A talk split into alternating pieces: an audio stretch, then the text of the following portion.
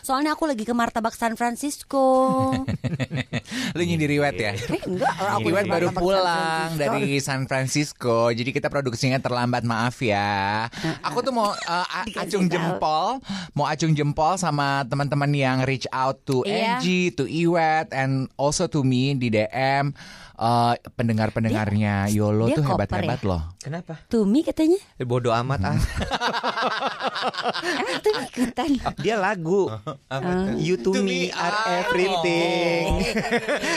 Yang ketawa tua lo semua. Eh gila yang ngedengerin Yolo tuh memang umurnya seginian Nggak Iya. selalu deh Kemarin gue di, di Enggak. airport ketemu Banyak uh, mahasiswa-mahasiswa Indonesia Serius yang lo? tinggal di luar negeri Mahasiswa loh berarti kan umurnya di bawah kita Ngedengerin Kalau Yolo mahasiswa S3 di atas kita bahkan. Iya juga ya kok gue bego ya? Lanjut. Ngedengerin Yolo eh, sebagai obat uh, kangen Jakarta. Oh iya Seneng deh gue ada yang menyapa gue juga. Dia bilang berasa lagi dengerin radio di Jakarta. Kemarin Iya. gue habis buka datanya kita. Ternyata pendengar kita itu benar-benar nggak cuma di Indonesia, tapi bahkan sampai ada yang di Amerika loh. Ah seneng deh. Ternyata gue waktu lagi di sana dengerin. Eh gak apa-apa gak apa-apa. Bener makasih ya. Eh hari ini kita akan ngebahas apa? Lu kangen sama gue Sama Angie Lumayan sih. Eh, kita bukannya katanya juga akan segera adain eh, YOLO offline. I off air kali Offline. Ini kan kita di digital, online, offline. Offline Oh Masuk kalau istilah-istilah. Gue juga loh Ya masa Yolo Eh, offline terima aja deh. Udahlah. Gue berasa sih? kayak Gojek online sama Gojek offline. Iya bener-bener Gue berasa kayak shopping Online sama offline Berasa toko Kedai kali gue pikir kita eh gimana kalau kita buka perjumpaan kita kali ini dengan mainan dulu ya? mainan Oke. apa sih? Jadi Cosmoners, eh Cosmoners, Gak apa-apa YOLOWers. YOLOWers. Enggak, panggilan kita ada. apa sih? Waktu Sahabat yang budiman Nah, gila. Jadi Pendengar yang budiman. Jadi pendengar yang budiman. Eh pendengar apa? Sahabat? Tuhan. Sahabat. Sahabat yang budiman. Sahabat Yolo yang budiman. Itu panggilannya. Lanjut. Jadi Jadi sahabat Yolo yang budiman. Jadi sahabat Yolo yang budiman, Di seminggu kita o- off. kita tuh rame-rame tuh per- pernah punya mainan ini. ju- eh, permainan ini tuh harus menebak siapa orang yang ada di ujung telepon. Ya, Lagi- jadi gue lagi- ngangkat telepon dari pembicaraan yang Angie sama Iwet dengar, mereka berdua harus menebak saya tuh ngobrol sama siapa di telepon. Oke oke oke. Yuk kita mulai dari Dave dulu. Ya, Bunyi telepon dong. Tululut tululut. Halo, Bu, udah lama banget. Ih, kangen deh manggung sama lo. Waljina pasti dia lagi telepon sama Waljina Gimana gimana kabar lo? Bu, aduh kemarin tuh gue baca ya, ada majalah gila mengusik kisah lama banget membahas kalau lo pernah pacaran sama eh, Rian Hidayat. Ih gila ya. Hah, Rian Hidayat, DJ Titi DJ pasti. Kok lo langsung nebak gitu? ya Rian Hidayat menurut lo? Rian Hidayat juga pernah pacaran sama Nika Ardila. Iya, masa lo? Iya masalah Masa gue teleponan sama Nika Ardila udah metong? Kan boleh kan namanya juga mainan ya, Oke Nek. sekarang kita ke Iwet Gue ya. Tululut tululut Biarin waktu abis itu kita ba- balik ke topik Tululut tululut Bo, lagi di mana lo? Enggak, gue cuma mau nanya aja deh. Mungkin nggak ya kalau misalnya kertasnya diganti jadi kertas HVS?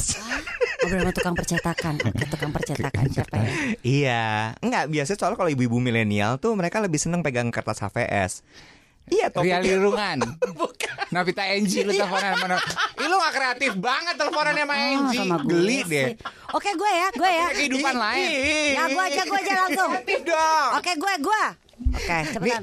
parah ya temennya demanding banget orang udah ya udah untung ikutan main loh gue. oke ayo coba. Ayo, coba. Halo.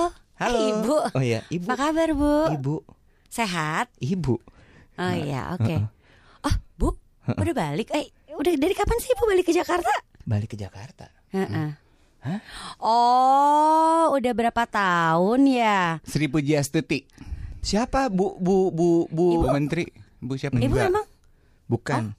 Tapi selamat ya bu ya Kepilih lagi ya bu ya Heeh, Iya Oh baru bener. terpilih Menteri ini berarti wait, Menteri Menteri perempuan Oh, gue tahu.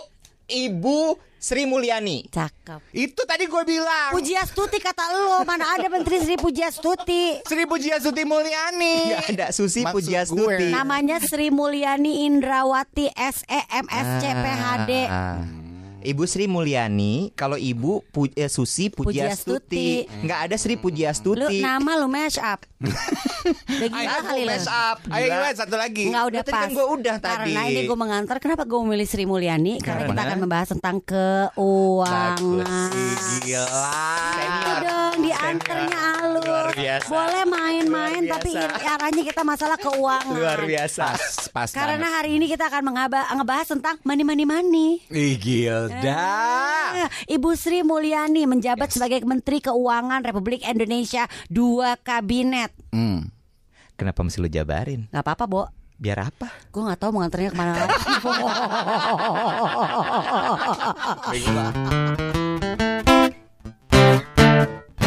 kembali lagi masih di podcast YOLO, sahabat YOLO yang budiman dan juga budiwati ya. Seperti tadi Angie sudah bilang bahwa hari ini podcast YOLO akan membahas satu topik soal keuangan. Hmm. Mungkin bukan keuangan ya, lebih kayak eh, how we handle our money. Yes. Ini sebenarnya ide topiknya dari Dave. Mm-mm. Mm-mm.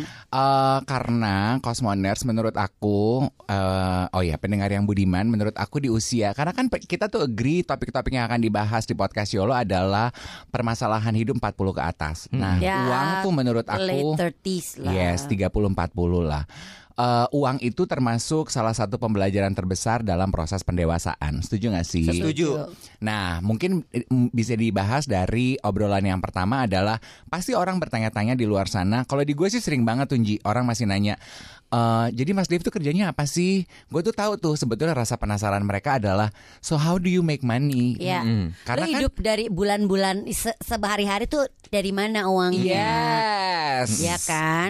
Nah, di sini tuh menurut aku, aku mau cerita sekaligus bisa memberikan inspirasi biar anak-anak muda di luar sana, i- if I can do it, you can also do it too. Apalagi zaman sekarang mungkin kalau zaman gue sama Dave ya sama Iwa juga mungkin ya masih hidup dari di zaman di mana kita tuh masih ya lo tuh kalau tiap bulan harus ada penghasilan kayak penghasilan bulanan rutin. Kalau lo cuma kerja sekali-sekali, terus gimana dong hari-hari yang berikutnya? Hmm. Nah tapi kan sekarang kita tahu ya di zaman sekarang orang tuh banyak kerja sebagai freelancer. Nggak ada ja- jarang ya sekarang ya lo kerja nggak ya masih ada tapi maksudnya banyak orang yang emang gue jadi freelancer and then they make it gitu loh. Mm-mm. Mm-mm. Nah, coba how do you guys make money? Pendapatan bulanan kalian tuh dapetnya dari mana sih? Coba cerita dong. Gue ya. Eh, ini sebenarnya jadi satu buat buat buat generasi yang di atas gue gitu ya. Eh boomers ya nyebutnya ya. Mm-mm, boomers. Boomers itu agak bingung kalau ngelihat gue Hmm. karena gue sebenarnya melakukan banyak hal dan sumber revenue pendapatan gue tuh eh, cukup cukup ada beberapa bukan cuma satu Bervariatif. variatif gitu kayak misalnya satu eh, gue siaran pagi Hmm. Lalu kemudian gue kerja kantoran juga. Lalu sesekali tidak sering sih gue masih nge-MC juga. Lalu kemudian eh, gue masih juga mendapatkan uang dari content creator. Hmm. ya slash mungkin kalau sekarang lebih disebut sebagai KOL influencer gitu gitulah ya. Hmm. Eh, itu juga nggak terlalu banyak sih tapi kalau Ada sekali, sekali, iya. biasanya kalau misalnya gue dapat tuh campur. Duit-duit dia, hidup-hidup dia, kerjaan-kerjaan dia. kalau misalnya gue ngerjain satu tuh biasanya campaign jadi cukup panjang Hmm. gitu terus eh itu sih yang yang paling Nah banyak usaha lo, usaha gue itu kan entrepreneur juga. nah nggak kalau Berarti usaha usahanya dia nggak mendatangkan duit. bukan Nah, iya benar juga nih. Ini pertanyaan bagus kan. menarik menarik menarik menarik menarik biar saya jelaskan di sini Nggak usah pakai ngotot ke gua. pakai melotot lagi ya kalau kalau untuk usaha itu gue nggak nggak menjadikannya sebagai pendapatan untuk harian gue Oh. jadi untuk hari-hari gue tuh ya itu tadi Hmm. sebenarnya kalau yang utama sih siaran sama kerja kantor. Oke. gitu. Nah itu terjawab. Kalau Iwet sama Angie mungkin ketaker ya. Orang masih bisa pasti dapat duit sebagai penyiar radio tetap sama kerja kantoran. Pun demikian Angie dong. Sebagai editor in chief majalah uh, Mother and Baby sama siaran partner Iwet, Mm-mm. ya Lo kan? kan? juga punya eh, pendapatan tetap. Nih eh, yang orang eh, jadi bertanya-tanya yang mungkin tidak hidup di Jakarta eh, adalah eh, kehidupan gue nih. Karena kan orang mikir gue sekarang udah gak pernah uh, muncul di TV. Mm-mm. Kerjanya apa sih? Cari duitnya dari mana sih? Mm-mm. Iya kan? Betul. Nah, memang eh eh, sama seperti Iwa sama Angie, walaupun saya tidak siaran eh, regular Di TV. di Cosmopolitan uh. FM, saya tetap masih siaran. Jadi honor gue tuh kecil-kecil dari beberapa, dari Cosmo, kemudian dari Bazar, menulis sebulan sekali. Terus Dia bilang tuh kecil loh. kecil-kecil ya maksudnya dibandingkan sama pendapatan gue dulu zaman gue masih punya acara Oh, televisi. iya, iya, iya, Ya nggak sih? iya, iya, iya, Gitu. iya. Eh. Aku tuh cuma sama dari nge-MC. Aku tuh cuman mau menjawab gini, eh, bisa hidup tuh kak dari nge-MC dan dari siaran radio. Ih, bisa banget. Bisa. Gue Jadi yang keras. itu adalah iya itu adalah pilihan kal- karir loh. Mm-mm. Iya kan? Iya, iya. Jadi jangan jangan takut. Oh, oh, tapi kalau nggak punya acara televisi nanti aku hidupnya dari mana gitu. Mm, Zaman sekarang tuh eh, cara kita cari uang banyak banget kok. Ilmu komunikasi will not fail you. Iya. Setuju apa nggak sih? Setuju. Tapi ini kan kalau yang di bidang komunikasi dan mungkin kan nggak semua orang punya kemampuan public speaking juga kan. Tapi kayak misalnya ada Ya, itu beberapa loh.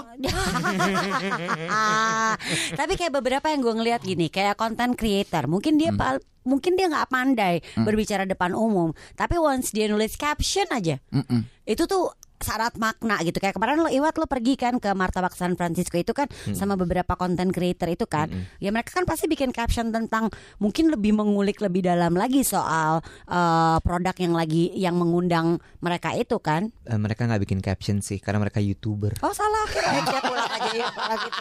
mereka bikin video. tapi ya, salah. tapi tapi menarik gini nih eh, teman-teman semua bahwa hari ini tuh kita sebenarnya gue sebenarnya pengen belajar sama lo Dave. Apa Karena tuh? gini, eh, kita tahu di antara kita bertiga yang paling kita nggak bilang bener lah ya, tapi pandai pandai mengatur keuangan, apalagi Mm-mm. lo hitungan in- hitungan influencer lagi. Hitungannya Hitungannya adalah apa pun namanya eh, Maksimal. freelancer. Freelancer, iya. Freelancer, lo nggak punya pendapatan tetap. nggak punya. Nah itu tuh itu menarik loh untuk diulik. Dave tuh kita kasih info ya ke Kosmon eh, ke ke eh, sahabat Yolo yang Budiman, Budiman. ya. Dave tuh jago banget nyimpan uang. Mm-mm. Dia bisa bisa ada momen dia beli barang, tapi itu hidupan sehari-harinya dia. Mulai dia tuh punya apartemen, punya rumah. Dia mau beli rumah mobil, lagi. Mau beli rumah lagi. enggak, ya. Gelangnya lo lihat Nggak. tuh. Iya, Ya. petugas pajak boleh tuh diusut tuh ya. ya. Nggak, tapi maksud gue gitu. Gimana sih, Dave? Kita tuh sebenarnya pengen juga belajar dari lo. How do you manage it all Nah. since you are a free- freelancer? gitu. Ini since kayaknya kita tuh udah punya nature kalau di Yolo tuh kita sangat open dan buka-bukaan cerita pribadi ya. Kayaknya semua borok tuh udah mulai kita buka nih di podcast Yolo. Gue akan jujur sama teman-teman di luar sana. Gue betul seperti yang dibilang Angie sama Iwet, gue sangat menyadari bahwa hidup gue itu sebagai freelancer dan gue itu tinggal sendiri, nggak punya orang tua, nggak jadi nggak dapat warisan. Iya, iya, Emang iya. I live from what I earn. Iya. Mm-mm. Jadi gue tuh sangat berhati-hati dengan spending gue. Iya, Dave tuh ibarat kata kayak isi bensin mulai dari nol loh. Iya, iya, Iya, tuh hebat, hebat Yes. banget loh. Tapi gue tuh begitu begitu sangat berhati-hatinya gitu ya sampai gue tuh eh, ada di titik yang gue harus mempersiapkan uang pensiun, Iya. gue harus mempersiapkan uang kalau gue sakit. Tapi itu lima tahun lalu ya guys, and then something happen. Hmm. Eh, atas saran financial planner gue waktu itu, dia menyarankan mau nggak uang dana pensiun lo yang waktu yang sebetulnya cukup besar buat gue jumlahnya, sekitar 500 juta. Oke, ini gue sebutkan bukan mau pamer supaya lo menyadari rasa yang rasa kekecewaan yang terjadi dalam hidup gue. 500 juta kita eh, investasikan mau nggak? Hmm, mau deh kalau Mm-mm. di Lo percaya banget kan? Percaya. Tapi waktu itu juga udah dijelasin dong bahwa investasinya dijelasin. apa segala Yes, macam. yes. Apa? Eh, kita coba 100 juta dulu mau nggak? Sedikit dulu. Uh, koperasi Cipaganti, lo tau nggak? Oh tahu, oh my god, gue inget kasus itu. Oke, jelasin dulu, gue jelasin dulu. Mungkin ada yang nggak tahu kan. Jadi taruh duit di Oh Cipaganti. God. Cipaganti itu alat transportasi. Iya, iya. Nanti Iya. tiap Sewa- bulan dapat returnnya tuh lumayan gede Iya. memang. Terus bulan pertama aman, Dapat, bener. seneng nih dapat Oh, oh. dapat Returnnya dapat gede. returnnya. Returnnya Kalau gede. nggak salah tuh 100 juta da- dikasihnya 3 juta deh. Iya. Pokoknya gede deh. Ah, lagi dapat duit lagi. Yaudah deh, tambahin nih pakai dana pensiun aja. Tambahin 200. Jadi gue tuh total ada 300 di situ. Terus kan mulai rakus nih ngelihat return Ah. return Itu sampai yang 300 tuh masih oke tuh. masih oke, masih oke. Berjalan enam bulan tuh, ih happy banget dong, Bo. Tiga kali tiga tiap bulan gue dapat. Uh, berasa kaya banget. Itu uang bulanan tuh jadinya kan ya jadinya. Aduh gue berasa Aduh akhirnya nih gue gak perlu kerja Ini nih rasanya nih punya uang yang Income bekerja. pasif. Yes yes yes yes, Passive yes. income. Iya, iya, iya, iya. Terus eh masih ada 200 nih uang pensiunnya Mas Dev. Kita taruh di ini yuk. Eh, waktu itu saham emas kayak gitu-gitu deh. Oh boleh deh, boleh deh. Ini more or less returnnya sama nih Mas Dev kayak Cipaganti. Oh mau banget, mau banget. Mulai rakus kan. Heeh. Jreng lo taruh tuh 200. Jreng. Semua tuh nih. jadi dong ya. Abis tuh ya Itu adalah dana pensiun gue tuh Cin Uh-uh. Yang dikumpulkan bertahun-tahun loh ya Iya, iya, Nggak iya. dikumpulkan overnight Iya benar. Terus dalam waktu satu tahun Investasi yang sampai tutup 200 kuping lo, juta gue itu Fell apart Itu yang perta- yang terakhir ya, investasi terakhir lo berarti ya. Fell apart Kantornya tutup Oh, no. Merugi Oh, no. Orangnya sampai taruh badan ke gue saya nggak bisa ganti apa-apa. Kalau Mas Dev mau nyawa saya ambil aja.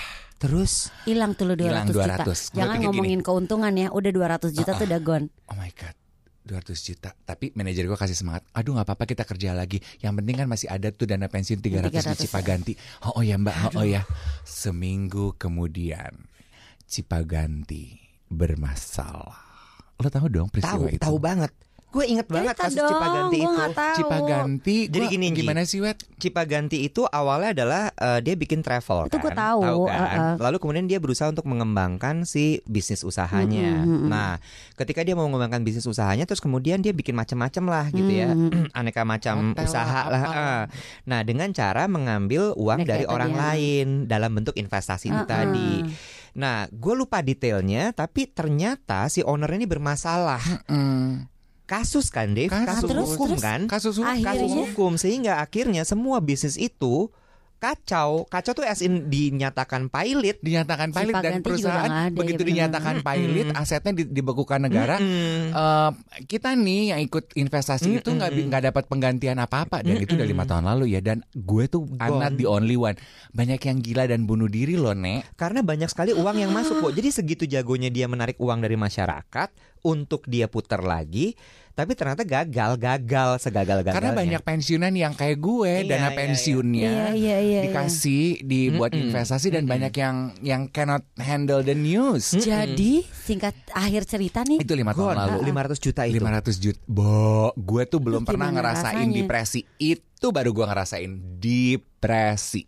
Apa yang lu rasain waktu itu? Hmm, sampai lu pengen mati apa apa? Enggak pengen sih. mati sih enggak cuman enggak tahu mau ngapain. Oke oke nyalahin lost orang gitu. Eh, nggak tahu mau ngapain dan gue kan kontrol freak ya nggak Iya, tahu mau iya, ngapain tuh iya, ganggu banget loh buat gue ha, ha, ha. I don't know what to do gitu Iya. orang bilang yang sabar sabar tuh nggak bantu loh buat gue Mm-mm. orang bilang berdoa gue tuh sampai ke yang ber oke gue udah berdoa tapi nothing happen gitu Mm-mm. kesel aja gitu kok aduh kenapa ya terjadinya kok berurutan banget dalam selang satu minggu Mm-mm. karena kan itu sebetulnya adalah dana yang gue banggakan aduh gue udah punya dana pensiun nih Mm-mm. gue kerja nggak perlu ngos-ngosan nih it's Mm-mm. something I save for myself dan itu nyimpennya kecil-kecil loh dari Iya. Bukannya lo dapat 100, 100, 100 Ya, ya nggak benar-benar dari yang enggak. 10, Yes, 5, yes. 20 Karena kan ya. misalnya dari uang MC lo tuh lo pakai buat hari-hari, lo simpen buat ini, buat itu. Dan Terus? setelah bertahun-tahun nih Cipaganti itu, gue baru dapat penggantian berapa? Tanya dong sama gue. Berapa? Bo? Sembilan ratus ribu kan. Dari 300 juta. Yo, Jadi lo hanya menikmati keuntungan 9 juta per bulan itu berapa lama? Eh, tiga apa empat Jadi bulan? cuma dapat keuntungan 9 juta itu aja. Yoi. 9 juta 900 ribu ya, Cin? Enggak 9 juta kali 3 Sama bulan. Penggantiannya Ah, ah, ah. 900 ribu. Sorry, iya, ha, benar. Iya. Sembilan ratus ribu, sorry penggantiannya. Ya udah. 900 Nah, ribu. Sembilan ratus Iya. ribu dan Mati. lu pikir kuping lu budek ya? Sembilan ratus ribu emang dapatnya. Karena kan itu duitnya dibagi Oh lu my lu kebayang Iya, dong iya, nasabahnya. iya, Nah, iya. anyway from that experience I learn gitu ya. Eh, wah ternyata cara gue menyimpan uang salah juga nih. Cara gue berinvestasi mungkin tidak tepat. Nah Soalnya saat itu tapi sebenarnya kalau gue saat itu juga melihat lo tuh udah melakukan the right thing loh. Nah, ya nggak sih? tapi uang pensiun lo punya uang kan? pensiun ya lo taruh diinvestasiin. Terus- Ternyata enggak, ternyata Yes. enggak. Nah, gue belajar bahwa, aduh, gue belajar eh, belajar bertanggung jawab terhadap uang sendiri itu ternyata bukanlah hal yang mudah. Ini ya, gue jadi jadi dari pengalaman hidup gue dengar ceritanya Dave, mungkin nanti kita akan dengar ceritanya ceritanya Angie juga bahwa ternyata memang eh, de- titik atau dewasanya seseorang itu memang bergantung pe- deng- eh, dengan bagaimana dia mengelola keuangannya. Mm. Ya, itu itu gue pernah denger gitu. Mm-mm. Terus kemudian balik lagi itu tadi masalah investasi gitu ya bahwa eh, iya kita harus berinvestasi tapi memang investasi itu juga kadang-kadang suka lo ngerti nggak begitu lo lihat wah gila lo lo belajar untuk mengendalikan emosi lo dan Mm-mm. lo balik lagi ngerasa nggak sih Dave bahwa oh gue mungkin terlalu tamak waktu itu Yes. jadi lo kayak kegulung emosi lo Yes. bener nggak sih Yes. Sementara kalau mungkin lo bisa lebih menahan emosi lo pada saat itu, ntar dulu deh, tahan dulu segini kita lihat progresnya seperti apa. Gue mengakui kok, mungkin kesalahan terbesar gue adalah eh, rakus gitu, seneng gitu ngelihat eh, return yang I should have stayed dengan Tapi 100 iya sih. juta aja. Hmm. Tapi aku tuh suka sekali ya eh, dengan kata-katanya Susi Orman. Lu tahu gak sih Tahu. si financial planner yang sangat terkenal di dunia itu? Hmm. How you dia bilang how you deal with your money reflect how you deal with your life. Jadi buat aku cara lo ngurus duit lo itu biasanya menggambarkan berbanding lurus dengan cara lo mengurus hidup lo. Abis ini kita bahas lebih dalam ya, gimana kita merefleksikan bagaimana kita spending uang kita Gila, terhadap gila, bagaimana kita memperlakukan diri kita sendiri. Sahabat Yolo yang budiman mungkin musin lagi. Mungkin Anda masih tercengang. ya. alatas. Kok masih tercengang gitu? Sandora. Apa musim hujan? Gila ya. Kalian teman yang baik banget deh ngedenger aku sedih gitu masalah duit aku mukanya Enja sama Iwet langsung bertekuk kayak kertas origami. lah ini Produser gue kita? ingat, mm-mm. Jangan pindah dong. Kalau sayang sama gue. mampus lo. Syukurin lah. Iwet sama Enji pernah nggak sih kalian uh, punya uh, pengalaman uh, investasi atau kehilangan uang yang kira-kira serupa? Bad investment move pernah nggak lo? Enggak gue. Enggak, Kalau gue enggak. karena gue gue hmm, gini. Sekarang gini deh pertanyaan gue, Mm-mm. what do you guys do with your money now? Gini, gue tuh tipe kan untuk basic dasar eh basicnya tuh untuk kita berinvestasi kan kita knowing our character dulu kan. Hmm. Gue tuh konservatif makanya dari dari gue ngobrol sama financial planner, mereka selalu menyarankan untuk lo jangan ditaruh di di tempat yang high risk, Hmm. taruh yang kayak misalnya kayak pasar uang gitu yang.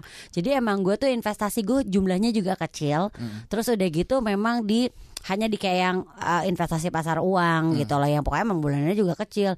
Terus gue juga paling kalau di saat kan ada masa-masanya tuh gue jadi brand ambassador dapat uang brok gitu. Banyak gitu kan ya. Nah di saat itu tuh masa-masa paling balik gue taruhnya gue deposito gue.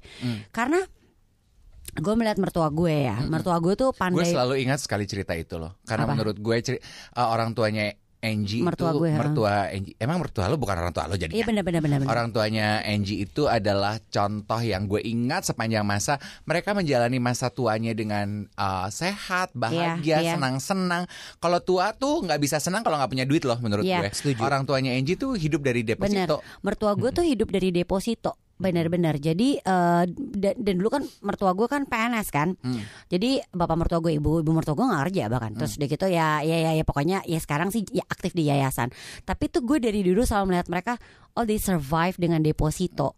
Mereka bisa beli ini, mereka bisa ini, mereka nggak pernah gangguin anak-anaknya minta uang gini gini gini gini. Mereka hidup sendiri. Waktu itu bokap gue sakit, bokap mertua gue sakit, bayar sendiri. Ada yang dibantu tapi maksudnya basically untuk daily basisnya mereka Cukup sendiri. eh, Independen. tapi memang itu mereka ya paling nggak banyak, Mm-mm. tapi hidup lah untuk gue gaji pembantu bisa, bayar listrik bisa. Senang-senang masih bisa main sama cucu dan anak-anak. Iya, Iya ha, kan? ha, ha, ha. Nah dari itu. situ emang sih makanya gue biarin deh. mungkin ada orang yang bilang, halo gila lo deposito tapi dapetnya berapa kegerus sama inflasi lagi. Hmm. Tapi gue tipikal yang nggak apa-apa deh, gue yang penting tenang. Itu cocok buat kepribadian lo. Gue tuh cocok sama Yes. kepribadian gue, tenang dan gue masih bisa beli-beli, belanja-belanja gitu. Yes. Actually gue juga tipe orang yang konservatif loh. Hmm. Cuman eh, pengalaman kemarin itu membuat gue semakin yakin bahwa gue itu investasi yang cocok adalah eh, konservatif gitu. Jadi gue nggak cocok tuh bermain saham. Hmm. High risk, ah, ah. Pokoknya yang high risk high risk. Saat ini sih eh trying to get back on my spirit of mulai berinvestasi lagi. Sekarang ini sih gue eh, belum mulai lagi tuh berinvestasi Hmm. lagi karena kayak masih ada Trauma. eh eh, gitu. Males Gue juga nggak ya. rutin, masih suka stop stop. Ada yang enggak nih kalau yang deposito gitu lah. Dan sometimes kalau kita dalam ada momen-momen ya, bo balik lagi ya kerjaan kita kan kadang ada Hmm. banyak, uh, kadang enggak. Di karena kita kan di dunia entertainment yang enggak kayak kantoran gitu kan. Sebelum gue ke kan- kerja kantoran lagi, itu kan kayak ada momen-momen anak masuk sekolah, Hmm. uangnya lumayan kan ya. Emang gue sama laki gue tuh menyiapkannya untuk yang dana gedenya untuk nanti pas mereka kuliah. Hmm. Jadi kalau yang kayak sekarang-sekarang ini emang dia yang oh ya ada masih kita mesti nyisihin nih dalam setahun nih anak gue yang yang kecil udah mau masuk SMA kita siapin. Kalau untuk kuliah nanti ya udah udah ada gitu loh. Hmm. Lebih ke situ sih. Jadi emang ada momennya di mana wah ngos-ngosan nih gila nih anak gue mau masuk SMA, anak gue masuk SMP gitu kan. Di situ sih momen-momennya. Oke. Kalau Iwet, what do you Iya. do with your money? Kalau gue tuh gini, hmm, gue tuh antara dibilang konservat enggak, gue harus menyebut bahwa diri gue itu adalah risk taker. Dia dia berani Lu dia. berani ya? Gue risk taker, tapi gini Lu- ceritanya. Eh, gue tahu tuh semua prinsip masalah eh, financial planning Hmm. gitu ya kayak eh, berapa hutang yang harus lo punya dalam dalam hidup lo gitu terus kemudian uang lo tuh harus diapain terus gue gue tahu persis ketika lo mau investasi lo harus investasinya di mana bla bla bla Hmm. return seperti apa yang Basically, diharapkan lo ngerti teori itu kita pada gitu. tahu ya. Nah, terus kemudian eh, kenapa gue bilang gue risk taker adalah sebenarnya uang yang gue invest untuk masa tua gue Mm-mm. itu tidak terlalu besar. Itu Hmm. gue taruh di reksadana campuran. Hmm. Tapi justru uang gue paling besar itu gue investasikan justru di bisnis gue. Hmm. Wow. Iya. Eh, eh, dan dan bisnis gue ini justru Dandan. Dandan. Dan dan. Nah. Mau bisnis apa mau dandan? Ini Si- Dave, Dave Angie sama ini ya sama Rian Ogilvy ya. Ih bagus di zaman sekarang Iya, tuh. Nah, justru gue belajar belajar bener mengenai mengendalikan diri tuh justru dari gara-gara bisnis gue, Bo. Hmm. Jadi misalnya gini. Satu, ternyata berbisnis itu sangat sulit sekali. Terus kemudian kenapa gue bilang risk take risk take apa namanya eh, risknya tuh gede sekali. Once lo nggak jagain banget, maka itu akan flop dan ketika Iya. flop tuh rugi, ruginya tuh rugi serugi ruginya. Lu sama kayak misalnya ya udah investasi merugi dong berarti. Iya. Nah, terus kemudian satu lagi adalah gue tuh akhirnya berhenti belanja Hmm. setelah gue punya bisnis. Iya. Oh. Setelah gue punya Iya, gue bisnis. itu. Jadi gue paham Jadi barang-barang bahwa baru lu sekarang ini bukan hasil belanjaan lu Bukan. dibeli. Siapa sih? Tiga huruf diulang dua kali. Giling. Dudum, dudum, dudum. Bukan. Sebel Ani, ani, ani, ani, ani, ani, ani, ani, ani, ani. Enggak, justru maksud gue gini, gara-gara gara-gara gue eh, punya bisnis retail, jadi gue ngerti tuh masalah COGS, eh, cost of goods sold gitu. Jadi kayak misalnya lu beli ada harga produksi, Hmm. terus kemudian lu mesti naikin berapa persen, sehingga ketika gue ke toko, gue selalu niat ini barang harga aslinya segini, Hmm. ini nggak worth untuk gue beli. Hmm. Itu membuat gue jadi lebih hati-hati dalam berbelanja. Ya. Makanya kemudian eh, kalau nggak memang barangnya bagus Pengen banget. pengen banget, bagus banget, berkualitas dalam Hmm. artian atau barang bermerek. Hmm. Karena barang bermerek yang lo beli adalah brandnya, Hmm. Gitu. Oke. Lo nggak malu ya mengakui itu ya kalau barang bermerek tuh yang yang dibeli emang brandnya dan, Dan kita tuh kualitas. emang, Emang itu, emang iya. pengen nempel sama brandnya. Iya, Iya. iya. Nggak apa-apa, I'm just Iya, making I sure. know. Terus sama satu lagi adalah kalau misalnya buat sehari-hari, gue cari memang produk yang satu eh, harganya menurutku masuk akal. Hmm. Masuk akal, dia ngambil untungnya nggak gede banget. Hmm. Terus kemudian kualitasnya bagus, dipakai sama gue akan eh, everlasting gitu. Terus, eh, nah dari situ tuh gue gue mulai mulai belajar juga dari bisnis itu mengenai tertib pencatatan. Hmm. Bo lo tahu zaman dulu gue kayak apa?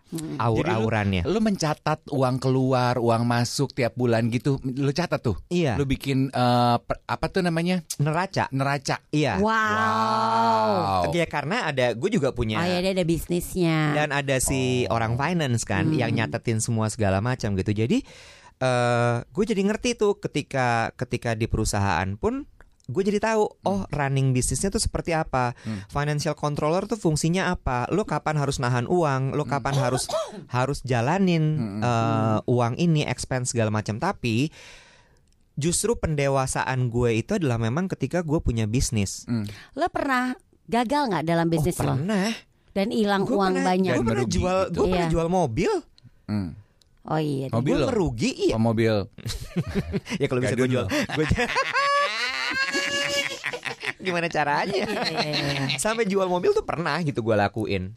Ya karena karena salah perhitungan. Nah itu momen itu tuh gue yang kayak wah gila nih gue mesti gimana ya? I have to get back gitu. Hmm, hmm. Ada momen sampai gue nggak bisa bayar apartemen segala ada kok. Hmm. Gitu. Jadi Jadi your your biggest investment right now it's on my business. is on your business. Iya. Pasti itu membuat uh, drive lo untuk membuat bisnis lo sukses semakin gede banget dong. Persis.